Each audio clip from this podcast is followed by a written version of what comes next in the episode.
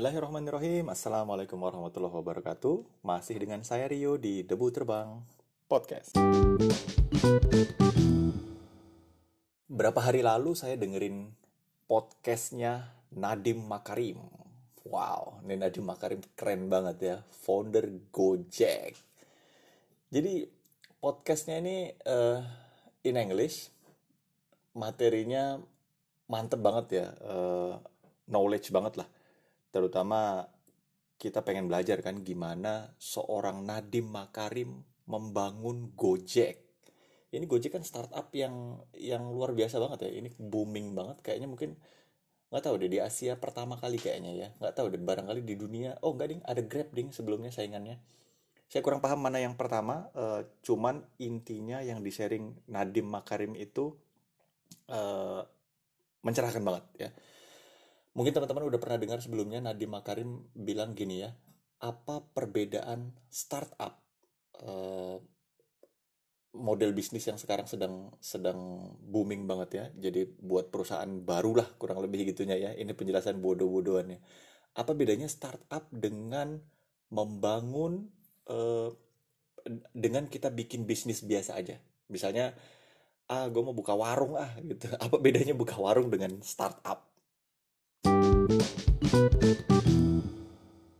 Nah, jadi menurut Nadiem Makarim ya, yang membuat bisnis sekedar kita buka bisnis saja dengan startup yang membuat ini jadi berbeda adalah kalau startup itu bisnis yang sekarang sedang booming itu dia selalu berangkat dari uh, menjawab problematika sosial. Wah, gitu keren banget kan. Jadi idenya startup dengan dengan idenya kita buka bisnis biasa doang itu beda.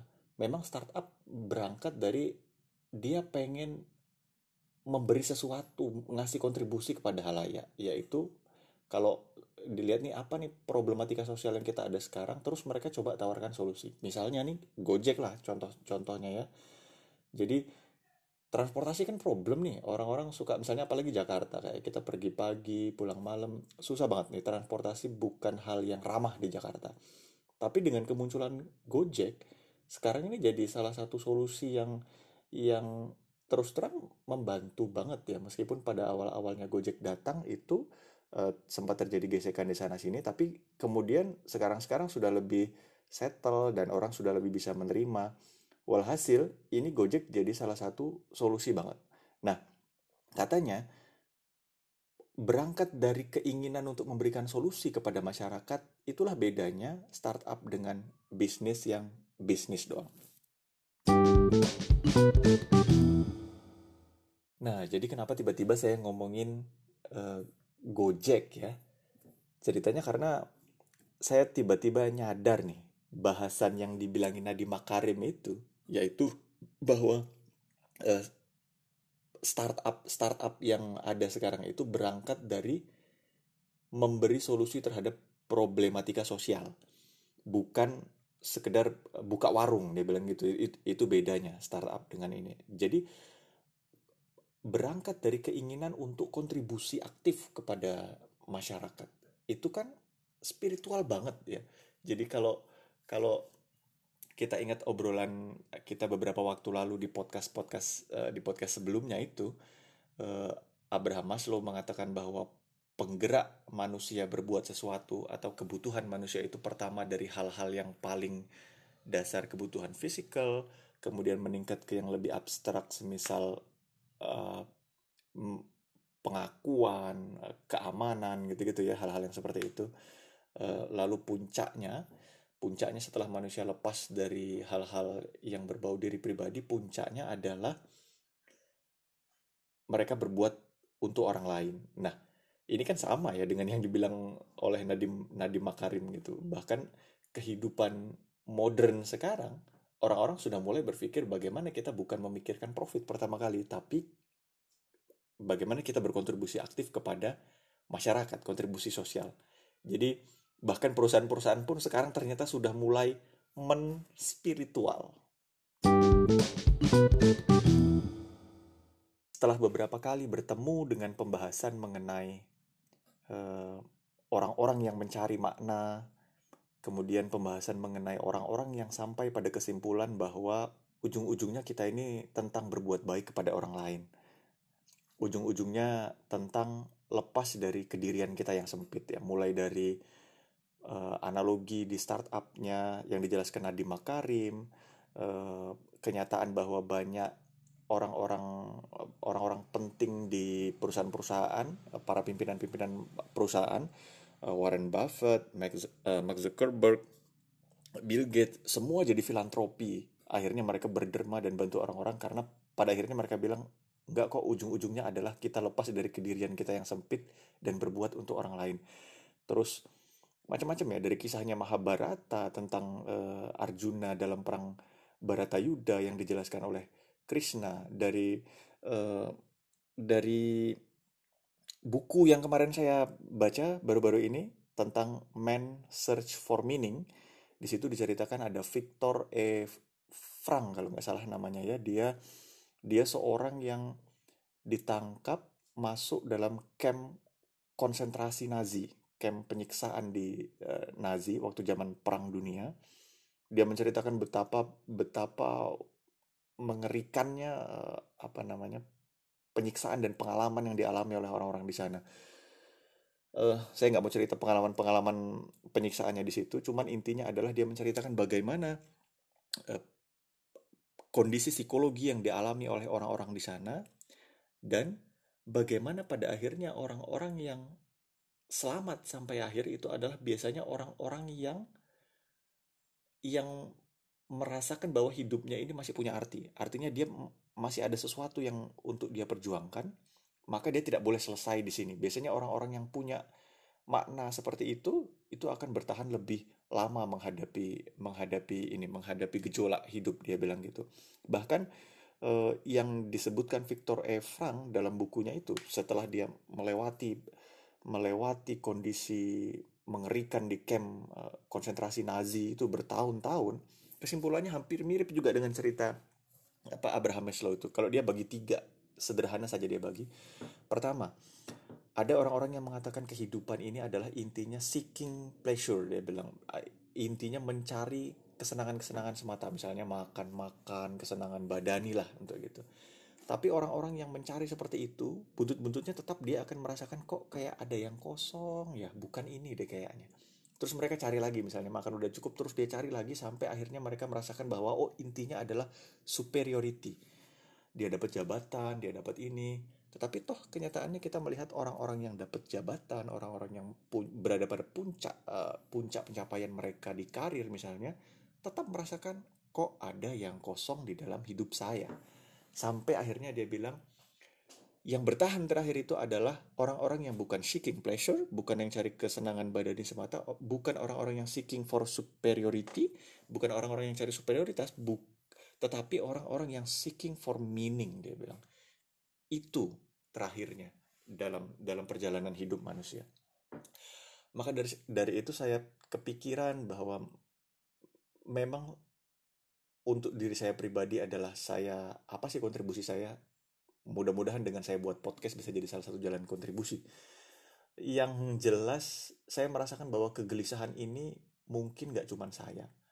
Pasti teman-teman saya yang mereka semua juga hidup dalam kehidupan hektik perkotaan pergi pagi pulang malam macet tumpukan pekerjaan rutinitas yang klise mereka juga orang-orang yang mencari makna meskipun ada yang muter-muter ada yang udah dapet ada yang nyungsep ke sana sini, tetapi tidak ada yang lebih membutuhkan selain dari orang-orang seperti kita. Makanya saya membuat podcast ini dengan harapan bahwa hal-hal spiritual semacam ini menjadi jauh dari kesan mistis, jauh dari kesan ilmunya orang-orang tua, jauh dari kesan apa ya, terlalu falsafi, tetapi kita bareng-bareng uh, ngobrolin bahwa hal ini aplikatif loh dalam kehidupan kita sehari-hari.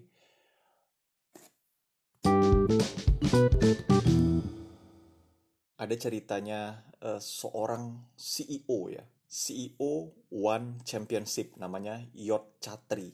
Saya nggak tahu spellingnya uh, apa sorry, pronounce-nya bener apa nggak tuh Yot Chatri. Teman-teman bisa cari di Google ya. Ini orang luar biasa banget, luar biasa banget.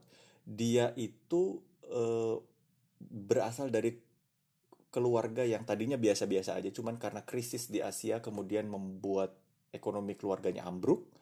Dengan ekonomi keluarga yang ambruk itu dia kuliah di Harvard University. Waktu dia di Harvard University dia hanya bisa makan satu kali sehari waktu itu.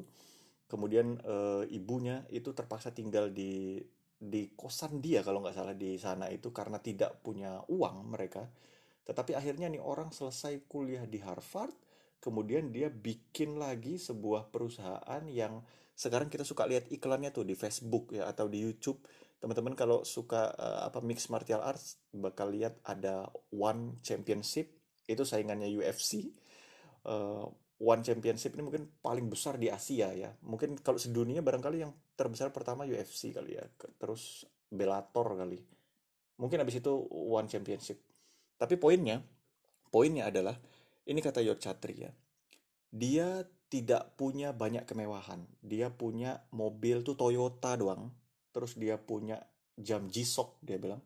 Kebanyakan kalau dia sehari-hari bekerja bekerja di ini perusahaan dia cuma pakai apa namanya uh, jam jis uh, sorry uh, pakai baju hitam aja ke sana pakai lepis pakai baju hitam gitu aja. Intinya nggak banyak yang dia punyai dari sisi kemewahan kemewahan dia bilang itu itu nggak banyak dia punyai. Tetapi yang dia punyai adalah dia bilang burning desire. Dia bilang apa keinginan yang membara di dalam hatinya untuk memberi mem, untuk memberi kontribusi aktif untuk untuk memberi makna nih dalam hidup. Dan bagi dia ya, bagi dia kontribusi dia memberikan makna itu adalah dengan bikin dia punya company uh, One Championship itu karena dia pengen merubah mindset orang terhadap martial arts. Jadi kalau sekarang kita lihat di MMA itu martial arts itu tentang brutal semua, misalnya kayak apa uh, saingannya lah. Misalnya UFC kalau lihat tuh cara UFC promo ini beda banget ya dengan One Championship. Kalau One Championship itu dia lebih ke kayak apa ya uh, ngedepankan semangat seorang satria uh, humble gitu-gitu respect gitu-gitu. Seperti seperti ke, kebiasaan martial arts di di Asia ya untuk itu. Nah mengembalikan mengembalikan apa namanya mengembalikan pandangan orang terhadap martial arts sehingga kembali menjadi ini adalah sebuah seni yang penuh dengan respect penuh dengan pencarian jati diri. Bagi Yochatri itu adalah misi besar dia dalam hidup ya. Itu misi besar dia dalam hidup. Jadi saya kembali lagi kepikiran eh kok Yochatri pun pada akhirnya sama juga ya? Ini sebenarnya ini juga obrolan yang spiritual meskipun dia dia barangkali nggak bilangin ini saya ngobrolin spiritual bla bla bla enggak tapi poin yang dia bilang itu itu sama dengan yang kita yang kita obrolin sekarang dan beberapa waktu lalu setelah manusia melewati fase-fase di mana mereka seeking for pleasure, mencari ketenangan badani, di atas itu mereka sudah lewat dari seeking for superiority, mereka akan seeking for meaning. Dan seeking for meaning itu tidak lain tidak bukan mesti melewati gerbang contributing to other people dia bilang gitu. Itu itu jalannya.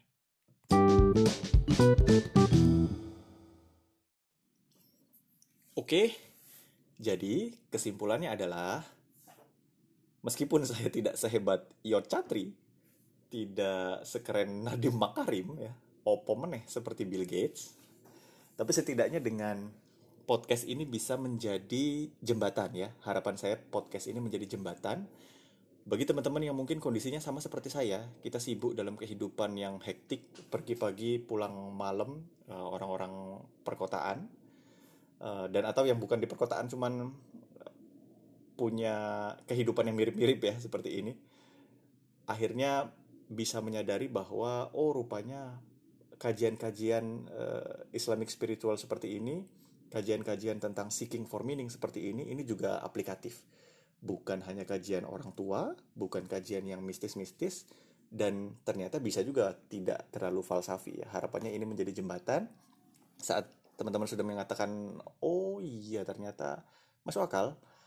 Maka teman-teman bisa melanjutkan ke kajian yang tentunya lebih dalam dan lebih benar lagi ya, karena ini hanya jembatan. Anggaplah PAUD lah bagi bagi orang-orang yang memang sudah gandrung tertarik di kajian seperti ini mungkin kajian ini seperti receh banget ya. Tapi it's okay. Uh, mudah-mudahan dengan jadi jembatan bisa bisa apa ya bisa merupakan salah satu kontribusi saya buat kehidupan. Baik makasih sudah mendengarkan. Sampai bertemu di podcast selanjutnya. Stay tune. Wassalamualaikum warahmatullahi wabarakatuh